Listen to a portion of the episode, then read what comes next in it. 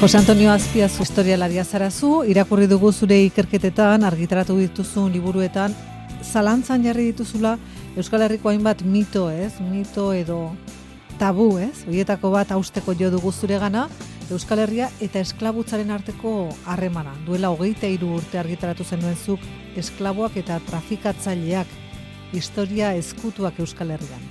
Gaztelaniaz. Bai, badira, badira urteak, hori ni peskede erdi astuta, bai, gero, hainbeste lan egin da gero, baina bai, ja, da, eta irurte, baina bai, eta gainera pixkat e, zalantzan jarritako lan bat izan zen, ze esaten dugu, nola, esklabuak hemen Euskal Herrian, eta esklabistak batez ere Euskal Herrian hori nola daiteke. Lehenbiziko mitoa, buskatu behar dena horrekin, eh? Ba, bai, hemen, e... baina kontestoa edo ingurua ikusi behar da, ze gertatzen gara hartan. Gara hartako Europa zelakoa zen, e, munduko nagusia Europa zen. Europa izan orduan... Garaiara, garai hartan aipatzen duzunean, amasigarren mendea bai, gara? amasigarren mendea. Amagosgarren bukaeran, amasigarren mendean. Orduan e, portugesak India aldera, gero elkano jungo tokira, gero e, Amerikatara ebai, eta orduan aurkitzen dituzte hainbeste herri, ba, ustez, ba, Europarrak edo kristauak ez zirenak, eta kristaua zeukaten horrei berezitasun bat. Hola berai prerrogatiba bezala. Eta e, zer gertatzen zen? Ba, bidean aurkitutako herriak ez zeukaten berak Europarra zeukaten eskubide berdinak. Eta normala Angola aldera jun eta esklabuak ekarri esklabuak ekarri bai e, Lisboara bai Sevillara eta bai beste edonora Bueno, eta e, Euskaldunak ere bai, nula, eske, zebilakin eta horrela. Bueno, kontuan hartu behar dugu. Esklaboak ekarri kakaoa ekartzen zen bezala, ez? Edo bai, kakaoa bai, bai, ekartzen hasi zen bezala, ez? Bai, bai.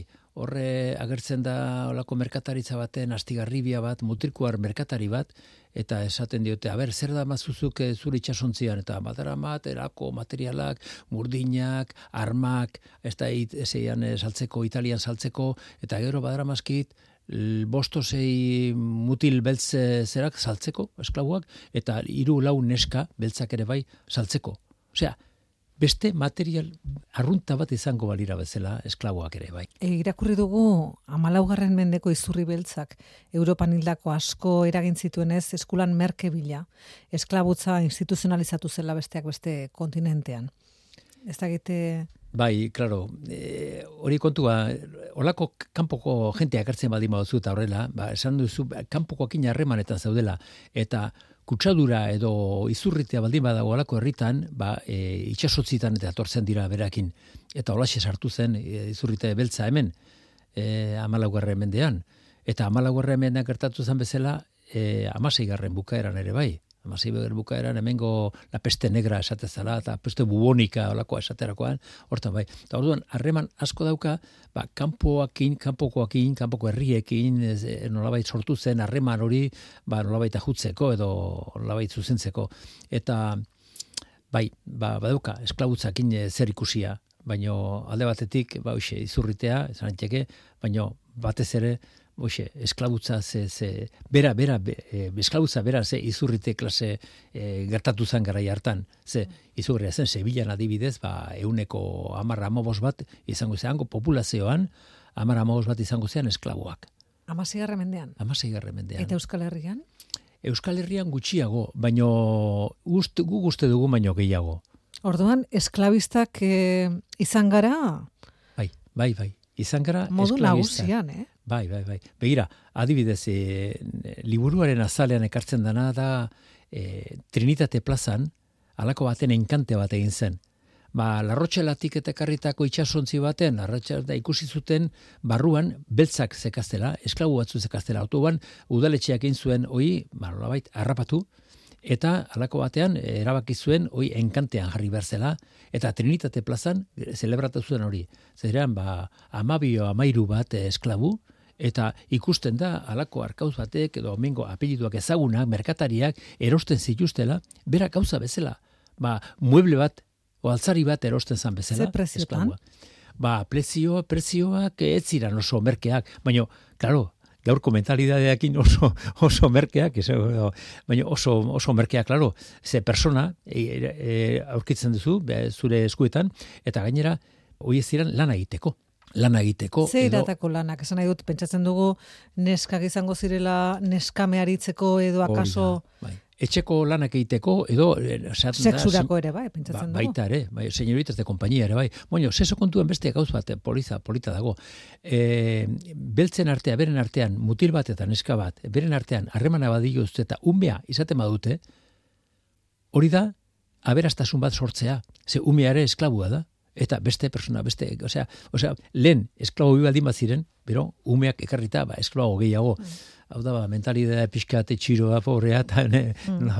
Eta gizonezkoa, zertarako erosten zen? Ze lan egiteko? Ah, bueno, eo lan egiteko, bai ferreritan lan egiteko, ba, ikaste ikuntzan egiteko, e, landaretan lan egiteko, eta gero batzuk baixa pixkat espezializatuak ere bai, ba, tintorero adibidez, ba, tintorero baldin bazen, ari laguntzen zion, ba, tintu, tinturak eta erropak eta olakoak egiteko. Orduan, ba, zeuden danetako, danetarikoak. Eta baita ere, batzuk nolabait, batzuen inbidia sortzen zutenak. Eta alako baten, ba, mutil batek esaten zu, jo, hori ni baino hobeto bizida, esklabua da, eta alako baten, hartzen du aizko aiskora bat, aiskora bat hartzen du eta mutila buruan jotzen dio eta akabo iken du. Eta nagusiaren erantzuna zer da, ez du hil persona bat, baizik e, nire tresna bat hildu eta orduan eskatzen dio haren balorearen dirua berari eskatzen dio. Mm. Hau da, ez du persona bezala hartzen, baizik eta hola bai tresna bezala hartzen du garai hartako mentalidad nahikoa da, baina ez da bakarrik apaizak eta eta gotzaiak eta bai, hori lehenbizko onartu iken dute. Eta gero oste, erroman adibidez kardenalak eta bere esklabuak ez zuztela hori garbi da hori probatuta dago. Eta hemen ere, abade batzuk hor, ba, baratzak eramateko eta horrela, esklabua zituzten. Eta batzuk tratu txarrak eman da gainera. Hori galdetu behar nizun, oroar ze tratu ematen zitzaien? Bueno, esklabutza berez, mm, tratu txarra dela aintzat hartuta ere, eh? Bai, esklabu, ba, tratuak danetakoak. Eh, batzuk onak ikusten dira oso, oso tratu honak e, justez dela, eta batzuk esan e, bezala, ba, e, kanpoko kokaleko mutil eta neska batzu baino hobeto bizi ziren, ba behar bera aberaskilo batekin, aberazte batekin, ba neskambe baldin bat zegoen señorita de konpainia bezala, ura oso ondo bizi zen eta mutil bat nolabait ofizio baten ikasita eta horrela eta pixkate saria jasotzen bazun eta ura ere, ba kanpoko batzu baino hobeto bizi zen. Gero tratu txarrak ere bai. Tratu eta batez ere IES eiken dunean, claro, esklabu danak eta eta perso dana betik igeslari joten da. Baina zeuden arau batzuk ari jarraitzeko jarraitzeko eta orduan e, zestu aldean eta e, alako baten agertzen da e, esklapadun eskabon seke orduan kanpaia jo elizako kanpaia jo eta haren atzetik juteko harrapatzeko Osea, ez zeukan eskubirik ies eitzeko ere, noski. Zan, nerea zen esklaboa, eta nik berreskuratu behar nuen, nere, bere mm. lanak egiteko. Bai, ikusi izan duguna hainbat filmetan, baina gurera ekarrita errealitatera masigarren mendea zari gara. Ez dakit bai, noiz arte irauntzuen? Bueno, e, noiz arte, hori e, hemen nahiko luze e, irauntzuen, esain importante, baizik, emezortzi, emazazpita, emezortzi garra mendea mentalidadea pixkate aldatzen ari da. Merkataritzaren importantzia ere pixka galtzen ari da. Baina gora Ameriketakin agertzen da. Em, emeretzi garren mendean, hemengo merkatari batzuk aberastu ziren, izugarri aberastu ziren, esklabutza Ameriketara eraman da. Adibidez, gazteizko zulu eta famatua, gaur egun famatua da, zegatik, ba, kuban estatu bat egin dakolako bere omenez. Arri harria da, eh? Ara eraman, hango esklabutzan, e, sartuta egon, negozio hortan egon, eta oraindik hor dirau, alako baten botako dute, ze dara botatzen ari die, eta hor dune, eman didazu izpidea, ikusi dugulako bestak beste gazte izen, kale izen egian badagoela. Julian Zulueta kalea. Bai, bai. Eta jaurigi bat ere, bai. Jose Matia Donostiako antiguan, Manuel Calvo Portugaleten, Cristobal Murrieta Santurtzin, Karakasko Errege Kompainia bai. Donostian, horiek eh, kale izendegietan oraindik ere agere diren esklabotzari lotutako izen batzuk dira, eh? gertatzen zaizu zuri kalean pasatzen ibili eta horre egon beharko ez luketen izen edo kale izen edo eskultura gehitxe ikustea? Bueno, kao, gaur komentaridadeakin, e, gara hartako ba, esklabutzan ibilitako gizon baten irudia ikusita pixka eta harraro zaizu. E, gara hartakoa barkatu ahaztu detxeke, baino goraipatu, ba, ez zakit, harraroa iken zaite. Eh? arraro aiken zaitolako personalen kontuak, nola baite, orain esateko moduan, garai hartan eskubidea baldin bazuten, gaur ere, baduko golako zerbait zerbaiterako. Mm.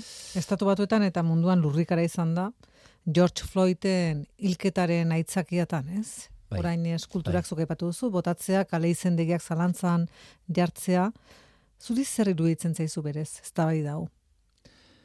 Bueno, Oendik e, eh, buru asko aldatu beharko dugu hori, ba, Ipar Amerikako kontu hori esan da, eske, izugarria da, polizia batek belaunak eh, lepoan itzi eta itxo araztea, eta gainera, hori e, polizia oso egoera gogorrean ibiltzen da esklabukin, eta baltzakin batez ere, ustez, esklabu, osea, aurko baltza direla lehengo esklabuen, zera, osea, Oinordekoak.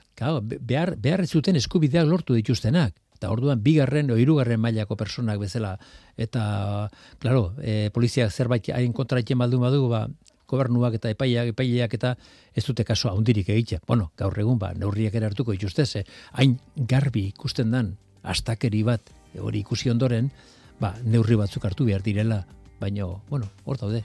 Baina gero kale izenegiak aldatu, eskultura kendu edo historia bere testu inguruan kontatu, ez? Hori da, Hori da, hori izango litzateke nola baita ziketa e, arloa hori. E, hau da, esan, e, bueno, hori kendu behar da, zergatik, bare, garai hartan ze mentalidade, ze pentsakera zegoen, hori kontuatu behar da. Historia gileen kontua hori izan beharko litzateke. Garaian kokatu eta garai e, hartako giroa nolabait, e, nolabait adierazi, zelakoa zen, duena, ulergarria izan daiteke garai hartan hori gertatzea, baino gaur egun defendatzea beste gauz bada. Mm. Zenek esango zizun zuri hogeite urte eta gero deitu behar genizunik. Orduan idatzitako esklaboak eta trafikatzaileak historia eskutuak Euskal Herrian. Liburuagatik berriz ere, esan bezala aktualitatera etorri den gaia. Bai, hola gertatzen da. Baina gauze zaharrak ere nola baite berpiztu iken dira eta Oi, o eta iru esta, o eta iru urte estera eze, baina nere buruentzako ere pixkatea pasatuta aspaldiko kontua gero hainbeste gai gertatuta. Gu behar genuen eh, perspektiba pixka bat Jose Antonio Azpiazu eskerrik asko. Bueno, urren arte.